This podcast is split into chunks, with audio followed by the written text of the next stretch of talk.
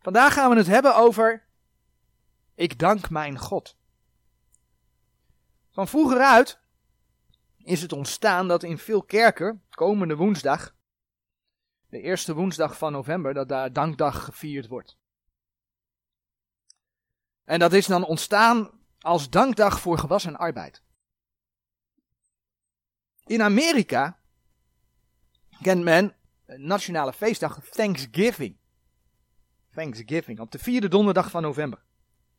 Dan gaan wij het over danken hebben. Nou, niet zozeer omdat we daar in andere kerken volgen, of uh, dat we dat doen omdat ze in Amerika Thanksgiving kennen. Maar danken is wel een belangrijk Bijbels onderwerp. En het leek me gewoon goed om daar een keer bij stil te staan. He, dankdagen die zijn dan eenmaal per jaar. Nou, danken is goed, danken is nodig. Dus een speciale dag om, eh, om, om dankbaarheid onder de aandacht te brengen, dat kan ook geen kwaad. Maar als we het eenmaal per jaar zouden doen, dan schieten we wel tekort. Dus de titel van deze boodschap is dan ook Ik dank mijn God. En die woorden komen uit Filemon, het boek voor Hebreeën. Filemon vers 4. Filemon kent geen hoofdstukindeling, vandaar Filemon vers 4. En in Filemon vers 4, daar zegt Paulus: Ik dank mijn God, uwer altijd gedachtig zijnde in mijn gebeden. Paulus bad voor Filemon vanwege zijn geloof in Jezus Christus. Kun je vers 5 kun je erbij lezen. Maar als je de, de brieven aan de gemeente gaat lezen, dan kom je erachter dat Paulus dat veel vaker bad.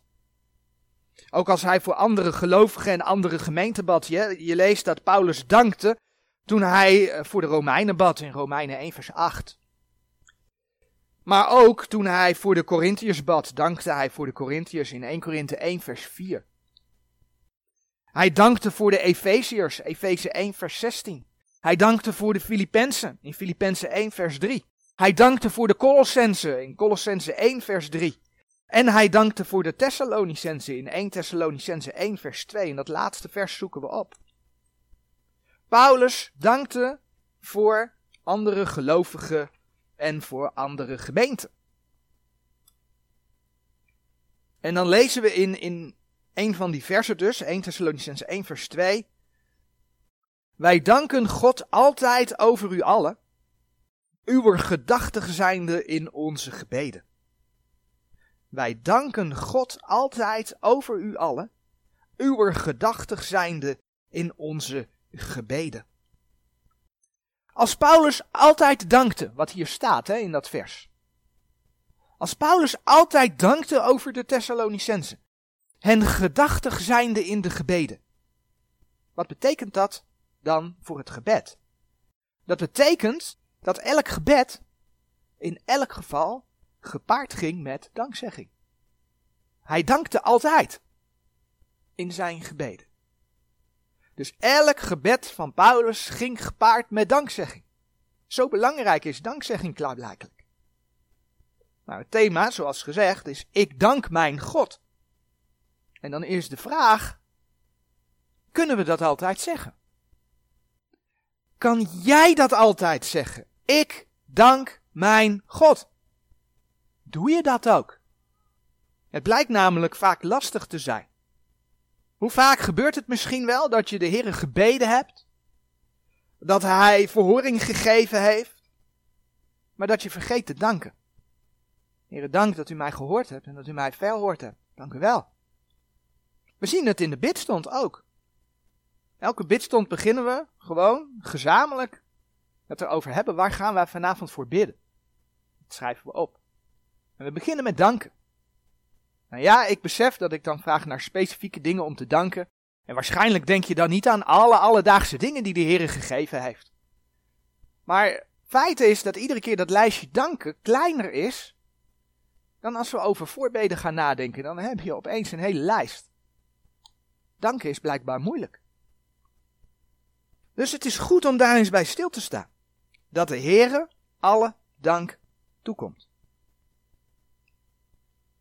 En dan gaan we eerst een paar versen lezen, ook uit Lucas 17.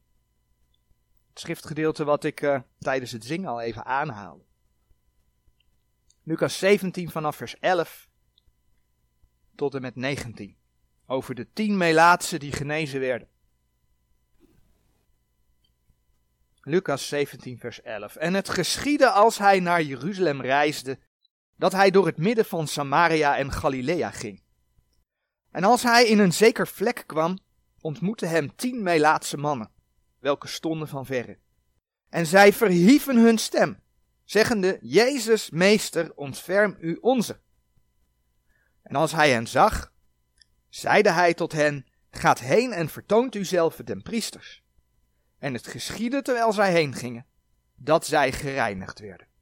En een van hen, ziende dat hij genezen was, keerde weder met grote stem God verheerlijkende. En hij viel op het aangezicht voor zijn voeten, hem dankende. En dezelfde was een Samaritaan. En Jezus antwoordende zeide, zijn niet de tien gereinigd geworden? En waar zijn de negen? Zijn er geen gevonden die wederkeren om God eer te geven dan deze vreemdeling? En hij zeide tot hem, sta op en ga heen, uw geloof heeft u behouden. Het is goed om deze geschiedenis eerst even te plaatsen. Want deze geschiedenis vond plaats voor het kruis van de Heer Jezus. De Heer Jezus moest nog gaan sterven voor de zonde van de mensen. Hij moest nog weer opstaan uit de dood. De Heilige Geest was dus ook nog niet uitgestort. Dus als we hier lezen in Lucas 17, vers 19. En hij zeide tot hem: Sta op en ga heen. Uw geloof heeft u behouden. Dan is dat dus niet hetzelfde als de redding van de ziel door de wedergeboorte. Wedergeboorte was er in die dagen helemaal niet. En toch sprak Jezus uit: Sta op en ga heen, uw geloof heeft u behouden. De context hier gaat over genezing van tien melaatsen. En ondanks dat de boodschap in die tijd van de evangelie in eerste instantie voor Israël was, zien we dat hier een vreemdeling, een heiden, nou ja, een, een halve heiden, half, uh, halve jood, halve niet-jood, een Samaritaan genezen werd. Het behoud heeft hier dus met het behoud van het lichaam te maken. Die persoon werd genezen. Je komt hetzelfde, kom je bijvoorbeeld in Jacobus 5 vers 15 tegen. gaan we nu niet opzoeken. Maar daar zie je dat ook. En ondanks dat we hier in het Nieuwe Testament zitten, zien we hier een voorbeeld van geloof en werken. Dat is dus een oud-testamentisch voorbeeld. Deze Melaatsen moesten eerst op hun geloof handelen om genezen te worden. want Jezus zei: ga heen naar de priester, ze waren nog niet genezen. Dus ze moesten naar de priester gaan en op het moment dat ze gingen, dat ze geloof toonden, toen werden ze genezen. Dus leerstellig kun je dit gedeelte niet toepassen op de gemeente van Jezus Christus. Kan niet. Maar natuurlijk zien we wel geestelijke lessen in.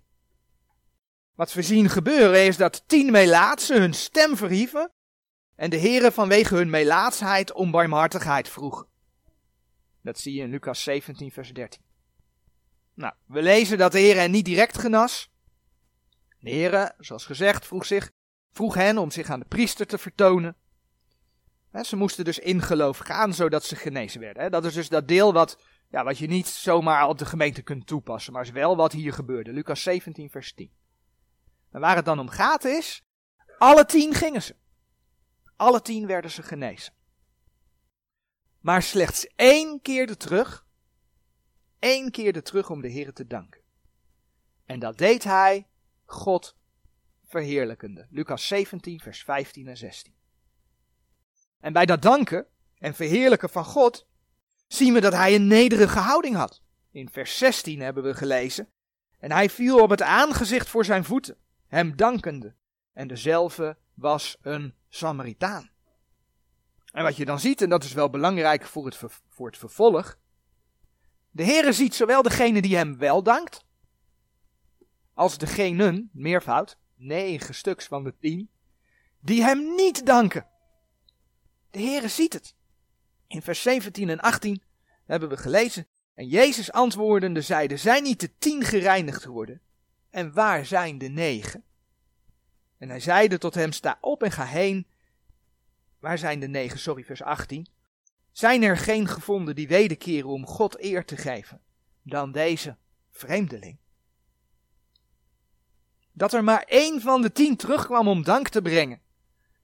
Dat zegt iets over het feit dat je het als mens moeilijk vindt om de Heer te danken voor alles wat Hij gegeven heeft en geeft. Nou, ondankbaarheid, want dat is het, hè? als je niet dankt, dan ben je ondankbaar. Ondankbaarheid, dat kom je niet heel direct tegen als het gaat om de werken van het vlees bijvoorbeeld. Maar wat we in de schrift wel zien is dat ondankbaarheid aan de wortel ligt eigenlijk van alle zonde en afval van het geloof. En daarvoor bladeren we naar Romeinen 1. In Romeinen 1 lezen we aan welke zonde de Heere de heidenen allemaal overgeeft, omdat ze hem verworpen hebben. En Romeinen 1 vers 18 laat dan ook zien dat zijn oordeel daarover gaat komen. Maar kijk wat er dan in Romeinen 1 vers 21 geschreven staat. Omdat zij God kennende, hem als God niet hebben verheerlijkt of gedankt maar zijn verijdeld geworden in hun overleggingen en hun onverstandig hart is verduisterd geworden. Blijkbaar begint al die zonde wanneer de mens de Heere niet als God wil verheerlijken en hem niet wil danken. Dat staat daar geschreven. Ja, en Romeinen 1 gaat over de heidenen, maar weet je, dat kan ook in het leven van de gelovigen plaatsvinden. We hebben het vorige week gehad over de vleeselijke christen. Die niet naar de wil van God leeft, maar die naar zijn eigen vlees leeft. Die de Heere God zeg maar voor zijn karretje spant. Want ja, hij wil eigenlijk alleen maar de zegen van God ervaren. En God moet dan wel even doen wat hij als zegen belangrijk vindt. En als het dan niet gaat zoals jij wilt, wat gebeurt er dan? Dan word je ondankbaar. Want God heeft niet gedaan wat jij in gedachten had. Hoe kan dat nou toch, heren? En dan laat de Heere God dus in zijn woord zien hoe je af kunt glijden. Daarom zien we in de wereld om ons heen hoe het mensen zijn die zich christen noemen. Maar hoe zij zich, ondanks dat ze zich christen noemen, hard maken voor wereldse zaken. Ik uh, las uh, onlangs dat in het programma van de ChristenUnie, of niet in het programma, maar in de lijst van de ChristenUnie, nu mensen opgenomen zijn die uh, ja, de praktijken van Sodom en Gomorra voorstaan. Terwijl toen ik een stuk jonger was, was de ChristenUnie een partij. En ik ga hier geen politiek praatje houden hoor, dat we moeten gaan stemmen en zo. Maar het gaat er even om dat je ziet hoe de wereld afglijdt. Want het was toch een partij, nou geen bijbelgelovige partij hoor. Was ik toen overigens ook niet, maar die toch nog wel voor behoudende normen en waarden stond als het ging om Gods woord. De Bijbel laat dus zien hoe je kunt afglijden. Zo zagen we vorige week dat het het volk Israël, en dan zoeken we Johannes 6 vers 26 op, dat vers hebben we vorige week gelezen, maar we lezen het nog een keer. Niet om de Heer Jezus en zijn werken ging. En ja, dat waren in die dagen ook tekenen en wonderen die we vandaag de dag niet moeten zoeken. Want we hebben Gods woord. Maar we zagen dat het het volk niet om de Heer Jezus en zijn werken ging, maar om het feit dat ze gratis te eten hadden gekregen. De schrift zegt, ze waren verzadigd geworden. Johannes 6, vers 26. Jezus antwoordde hun en zeide, voorwaar, voorwaar zeg ik u, gij zoekt mij niet omdat gij tekenen gezien hebt, maar omdat gij van de broden gegeten hebt en verzadigd zijt. De zogenaamde zingeving hè, van het leven, zoals dat dan genoemd wordt. We zijn met zingeving bezig. Hun buik was hun God geworden, zagen we. Wanneer de Heer de gemeente voor de laatste dagen, en dan bladeren we naar 2 Timotheus, waarschuwt, zegt hij in 2 eh, Timotheus 3, eh, de eerste twee versen. Nee, we gaan dat hele stukje even lezen. 2 Timotheus 3, vers 1 tot en met 5. En weet dit, dat in de laatste dagen ontstaan zullen zware tijden. Want de mensen zullen zijn liefhebbers van zichzelf, geldgierig, laatdunkend, hoogvaardig, lasteraars, de ouders ongehoorzaam, ondankbaar, onheilig, zonder natuurlijke liefde, onverzoenlijk, achterklappers, onmatig, wreed, zonder liefde tot de goede, verraders, roekeloos, opgeblazen, meer liefhebbers der wellusten dan liefhebbers Gods, hebbende een gedaante van godzaligheid, maar die de kracht derzelver verlogend hebben. Heb ook een afkeer van deze. In 2 Timotheus 3 vers 5 lees je dan dat zij een gedaante van godzaligheid hebben. Oftewel, het gaat hier niet zozeer om de wereld, maar om mensen die wel op de een of andere manier het geloof beleiden. De gedaante is er, maar ze hebben het verlogend. Dat is de gemeentetijd. In de laatste dagen. Je zou ook kunnen zeggen dat is Laodicea. Dat zijn de kerken van de laatste dagen. En zien we dat geschreven staan in 2 Timotheus 3 vers 2? Want de mensen zullen zijn liefhebbers van zichzelf, geldgierig, laatdunkend, hoogvaardig, lasteraars, de ouders ongehoorzaam, ondankbaar, onheilig. Een kenmerk is dat mensen ondankbaar zijn. Ondankbaarheid, en zeker ondankbaarheid naar de Here, is dus een kenmerk van deze tijd. Maar als je de Here wilt dienen, dan roept hij je in zijn woord op om daar dus verre van te blijven. Laten we vers 5 nog een keer lezen. Hebbende een gedaante van godzaligheid, maar die de kracht derzelver verlogend hebben, heb ook een afkeer van deze. Dus als je de Heer wil dienen, dan moet je niet ondankbaar zijn. Maar dankbaar. Ik bedoel, misschien waarschuw je mensen wel hè, voor de afval van het geloof, past allemaal binnen het profetische plaatje. Misschien waarschuw je mensen wel dat ze uh, tegen de natuurlijke liefde zijn. Of dat ze niet trots moeten zijn. Maar ondertussen ben je zelf ondankbaar. Ondankbaar tegenover de Heer. En een ondankbaarheid waarvan we hebben gezien, Romeinen 1 vers 21. Die eigenlijk aan het begin staat van al dat andere. Met andere woorden, laat je dus niet besmetten met de geest van ondankbaarheid. In Psalm 69, vers 31. Psalm 69, vers 31. Lezen we de volgende woorden. Ik zal Gods naam prijzen met gezang en hem met dankzegging groot maken. Ik zal Gods naam prijzen met gezang en hem met dankzegging groot maken. En laten we dan ook Colossense, een brief aan de gemeente, erbij pakken. Colossense 3 vers 15. Daar lezen we namelijk een duidelijke opdracht. Colossense 3 vers 15. En de vrede Gods heersen in uw harten, tot welke gij ook geroepen zijt in één lichaam. En weest dankbaar.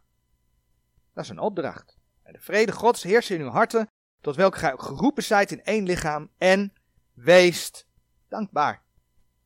Dus de gelovige in deze gemeentetijd heeft een opdracht om, om dankbaar te zijn. Dan kun je afvragen. Ik heb een aantal dingen op de, op de dia gezet. Ja, waar kun je de Heer dan allemaal dankbaar voor zijn? Bedenk eens wat je als kind van God allemaal hebt. En dat geldt eigenlijk niet eens zozeer alleen kinderen van God, maar ja, wat we als mensen hier gewoon hebben. Maar wij zijn kinderen van God, dus wat de Heere God je heeft gegeven.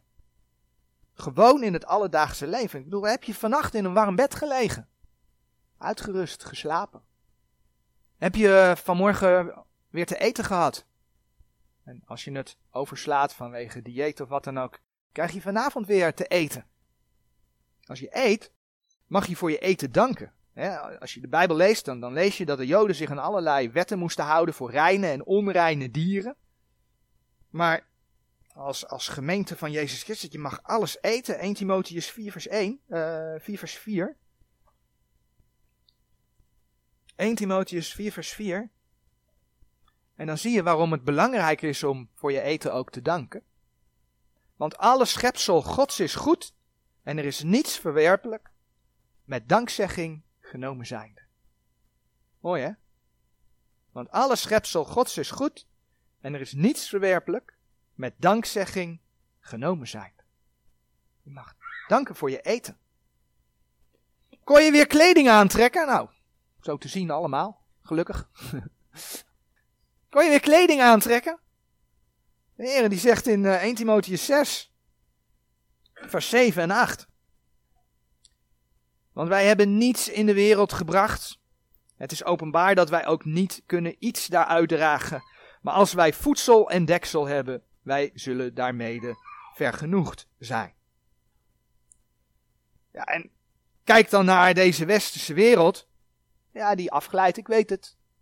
Ik weet het. Het glijdt allemaal af, het wordt allemaal minder. Maar kijk eens wat je allemaal hebt. Dan kunnen we nog steeds zeggen, hoeveel meer hebben wij dan dat wat we daar gelezen hebben? En ik denk dat het voor ons allemaal zo is dat we vele malen meer hebben dan alleen ons voedsel en, en onze kleding en een dak boven ons hoofd. Vaak vinden we dat vanzelfsprekend. We denken daar niet zo over na. Ik bedoel, ik heb er toch voor geleerd. En uh, ja, ik heb er toch voor gewerkt. Maar weet je, het is de Heer die je leven leidt. Het is de Heer die ervoor zorgt dat je inkomen hebt. Het is de Heer die die dingen leidt in jouw leven. Mooie teksten daarover zijn Jeremia uh, ehm, 9, vers 23 en 24. Jeremia 9, vers 23 en 24. Zo zegt de Heere, een wijze beroemen zich niet in zijn wijsheid. En de sterke beroemen zich niet in zijn sterkheid. Een rijke beroemen zich niet in zijn rijkdom. Maar die zich beroemt, beroemen zich hierin dat hij verstaat en mij kent. Dat ik de Heere ben, doende weldadigheid, recht en gerechtigheid op de aarde. Want in die dingen heb ik lust, spreekt de Heere. Je bent van hem afhankelijk. Wat je hebt, heb je van Hem gekregen. Je bent Hem dank verschuldigd. Voor alles wat je kunt en alles wat je hebt. Hij heeft het je gegeven. Ja, en natuurlijk, we zijn in deze westerse wereld gewend om te kijken naar wat ze van ons afpakken. Want we zijn verwend. Dus als het dan wat minder wordt, dan zeggen we, oeps, ze pakken het van ons af. We vinden dat ze het van ons afpakken. Maar kijk naar wat de Heer je gegeven heeft, ook nu. Ja, en dan heb je heel wat om voor te danken. Laten we naar Colossense 1 uh, bladeren. Want dat is eigenlijk alleen nog maar het gewone fysieke deel. Dat we de Heer danken voor zijn leiding in ons leven. Dat, dat we dankbaar zijn voor hetgeen hij ons gegeven heeft. Maar in Colossense 1 vers 12 tot en met 15 lezen we dan het volgende. Colossense 1, vers 12 tot en met 15. Dankende de Vader, dat is een deel uit het gebed van Paulus voor de gemeente Colosse. Dankende de Vader die ons bekwaam gemaakt heeft om deel te hebben in de erven der heiligen in het licht. Die ons getrokken heeft uit de macht der duisternis en overgezet heeft in het koninkrijk van de Zoon zijner liefde. In de welke wij de verlossing hebben door zijn bloed, namelijk de vergeving der zonden. De welke is het beeld des onzienlijke Gods, de eerstgeborene aller creatuur. Tot zover. Paulus dankte de Heer voor zijn verlossing die hij gegeven heeft in zijn zoon. Paulus dankte voor zijn bloed. Voor de vergeving der zonde daarin. Voor de erfenis die de gelovige ten deel valt. Ja, en als we het avondmaal vieren, wat nemen we dan? Dan nemen we een drinkbeker. Maar hoe wordt die drinkbeker genoemd? 1 Korinthe 10 vers 16 de drinkbeker der dankzegging. Openbaring 5 vers 12. Openbaring 5 vers 12. Zeggende met een grote stem, je hebt de grote stem weer. Het lam dat geslacht is, is waardig te ontvangen de kracht en rijkdom en wijsheid en sterkte en eer en heerlijkheid en dankzegging. Dankzegging. Je kunt de Heer danken voor alles wat Hij je geestelijk gegeven heeft. Voor zijn woorden, voor zijn verlossing, voor zijn gerechtigheid die hij je gegeven heeft. Mooi hè, dat, dat als mens zijn we ongerechtig voor God, maar hij geeft je zijn gerechtigheid als je gelooft in Jezus Christus. Zijn volbrachte werk. Wauw. Hij heeft je duur gekocht. Daar kun je voor danken. Hij heeft je zijn kind gemaakt. Hij is een plaats voor je aan het bereiden in het nieuwe Jeruzalem. Hij heeft je een beloning in het vooruitzicht gezet. Allemaal redenen om dankbaar te zijn, om hem te danken.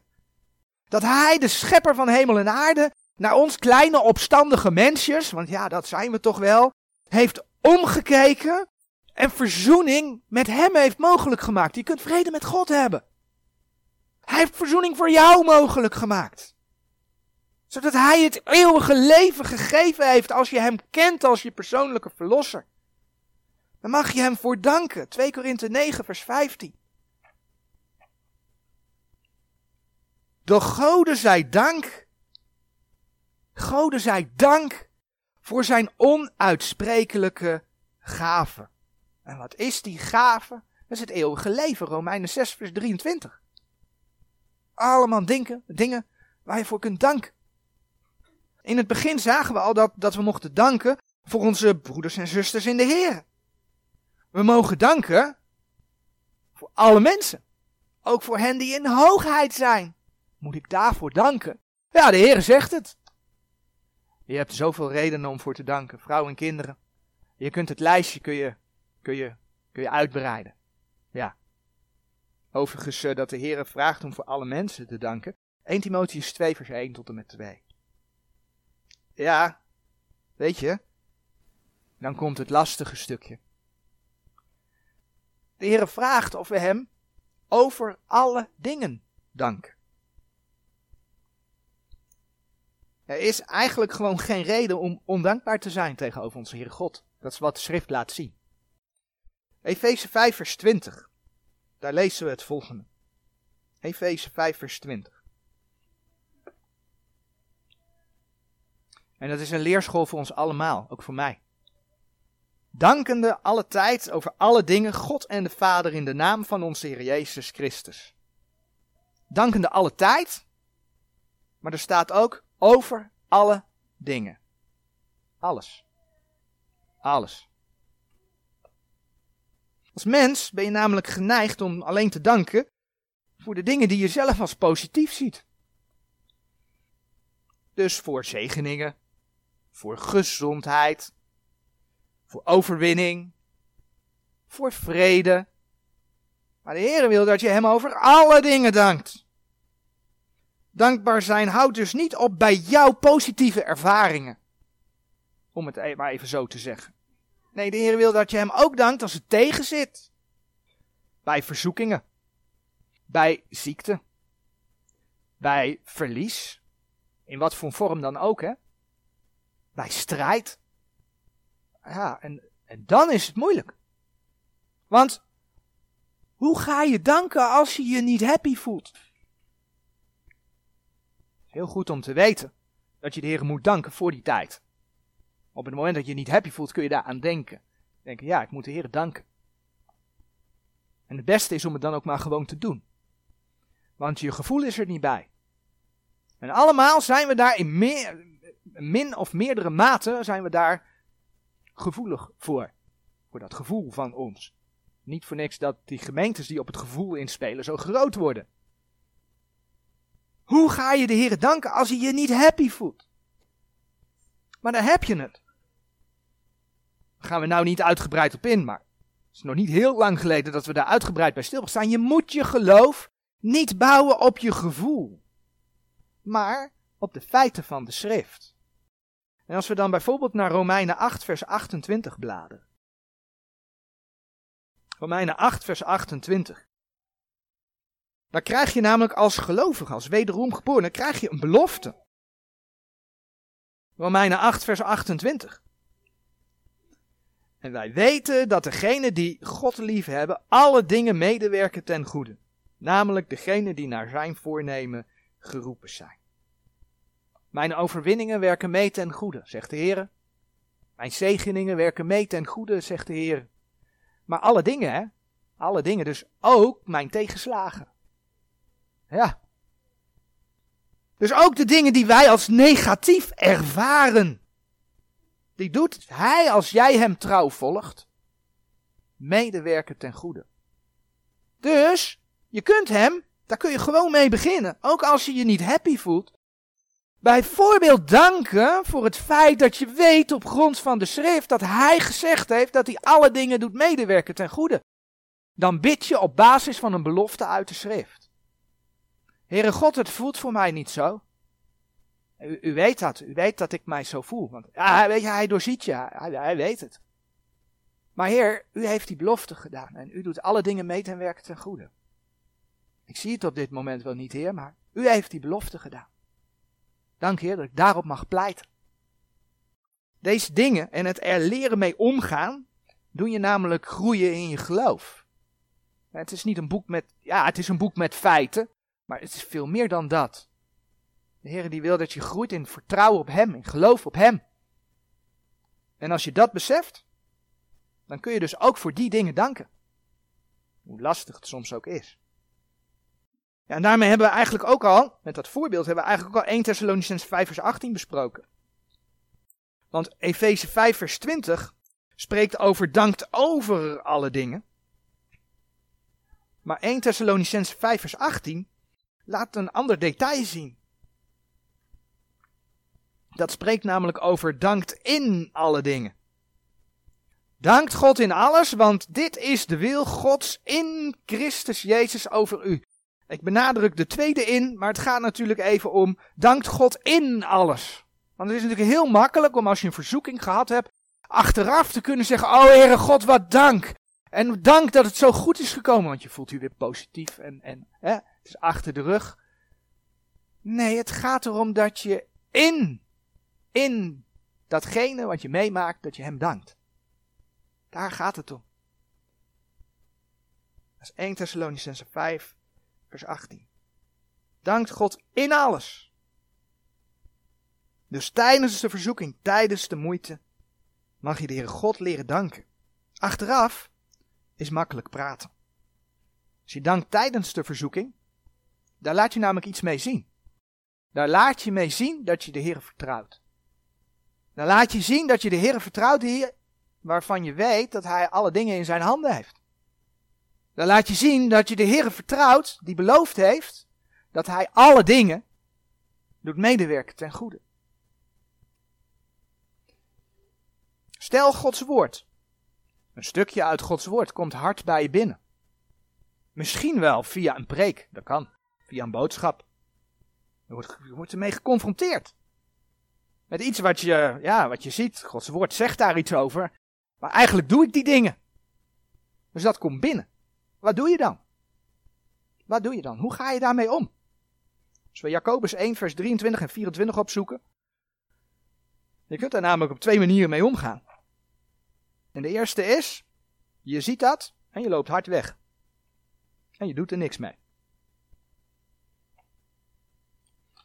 In Jacobus 1, vers uh, eh, 23 en 24 lezen.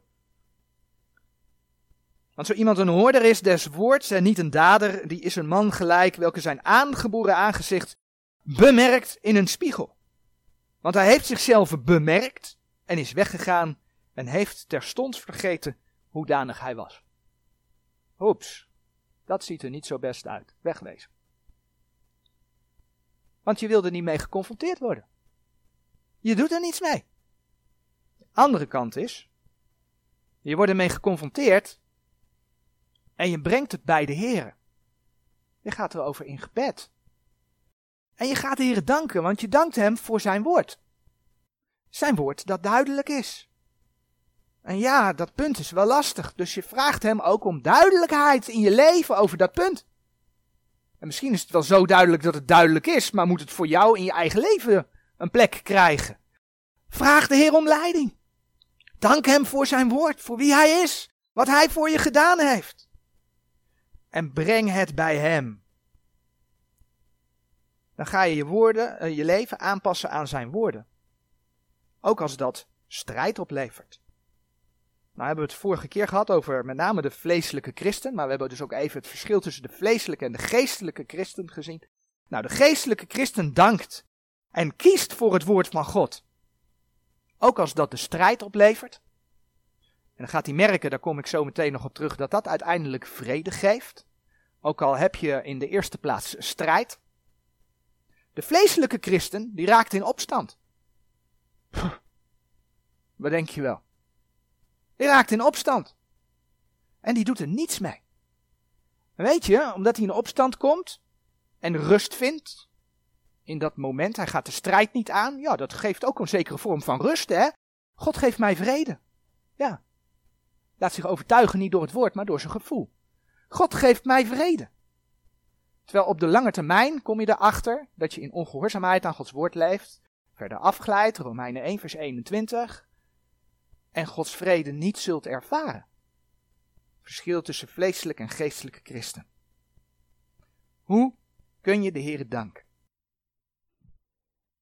We zagen in het begin van deze prediking al dat elk gebed van Paulus gepaard ging met dankzegging. Dat hebben we in 1 Thessalonicense 1 vers 2 gezien. Laten we Colossense 4 vers 2 erbij pakken. Colossense 4 vers 2. Colossense 4 vers 2 zegt, houd sterk aan in het gebed en waakt in hetzelfde, dus in het gebed, in het aanhouden van het gebed, waakt in hetzelfde met dankzegging. Zie je dat? Bidden en dankzegging, dat gaat samen. Als gelovige hoor je dankbaar te zijn. Het gebed, het gesprek dat je met de Heer voert, hoort dan ook gepaard te gaan met dankzegging. Nou, in, in Filippenzen, een paar bladzijden terug, Filippenzen 4, vers 6 en 7, lezen we dan ook dat daar een mooie belofte aan vastzit. Filippenzen 4, vers 6 en 7. Wees in geen ding bezorgd, maar laat uw begeerte in alles door bidden en smeken met dankzegging bekend worden bij God. En de vrede Gods, die alle verstand te boven gaat, zal uw harten en uw zinnen bewaren in Christus Jezus. Het gaat hier dus om dingen die je menselijkerwijs zorgen zouden kunnen baren. En misschien wel zorgen baren. En dan vraagt de Heer, dat lees je in die versen, om die zorgen bij hem te brengen. Door bidden. Maar dat mag zelfs door smeken. En wat geeft dat aan als daar staat door smeken? Dat geeft aan dat daar ook een vorm van verdriet bij kan zitten. Het is dus niet zo dat je geen verdriet kent in je leven als je de Heer vertrouwt en als je de Heer dankt. We kunnen dingen moeilijk vinden. en je mag het dus bij hem bekendmaken met bidden, met smeken. Heere God, alstublieft. U ziet wat er gebeurt. Dank u wel dat ik u mag kennen.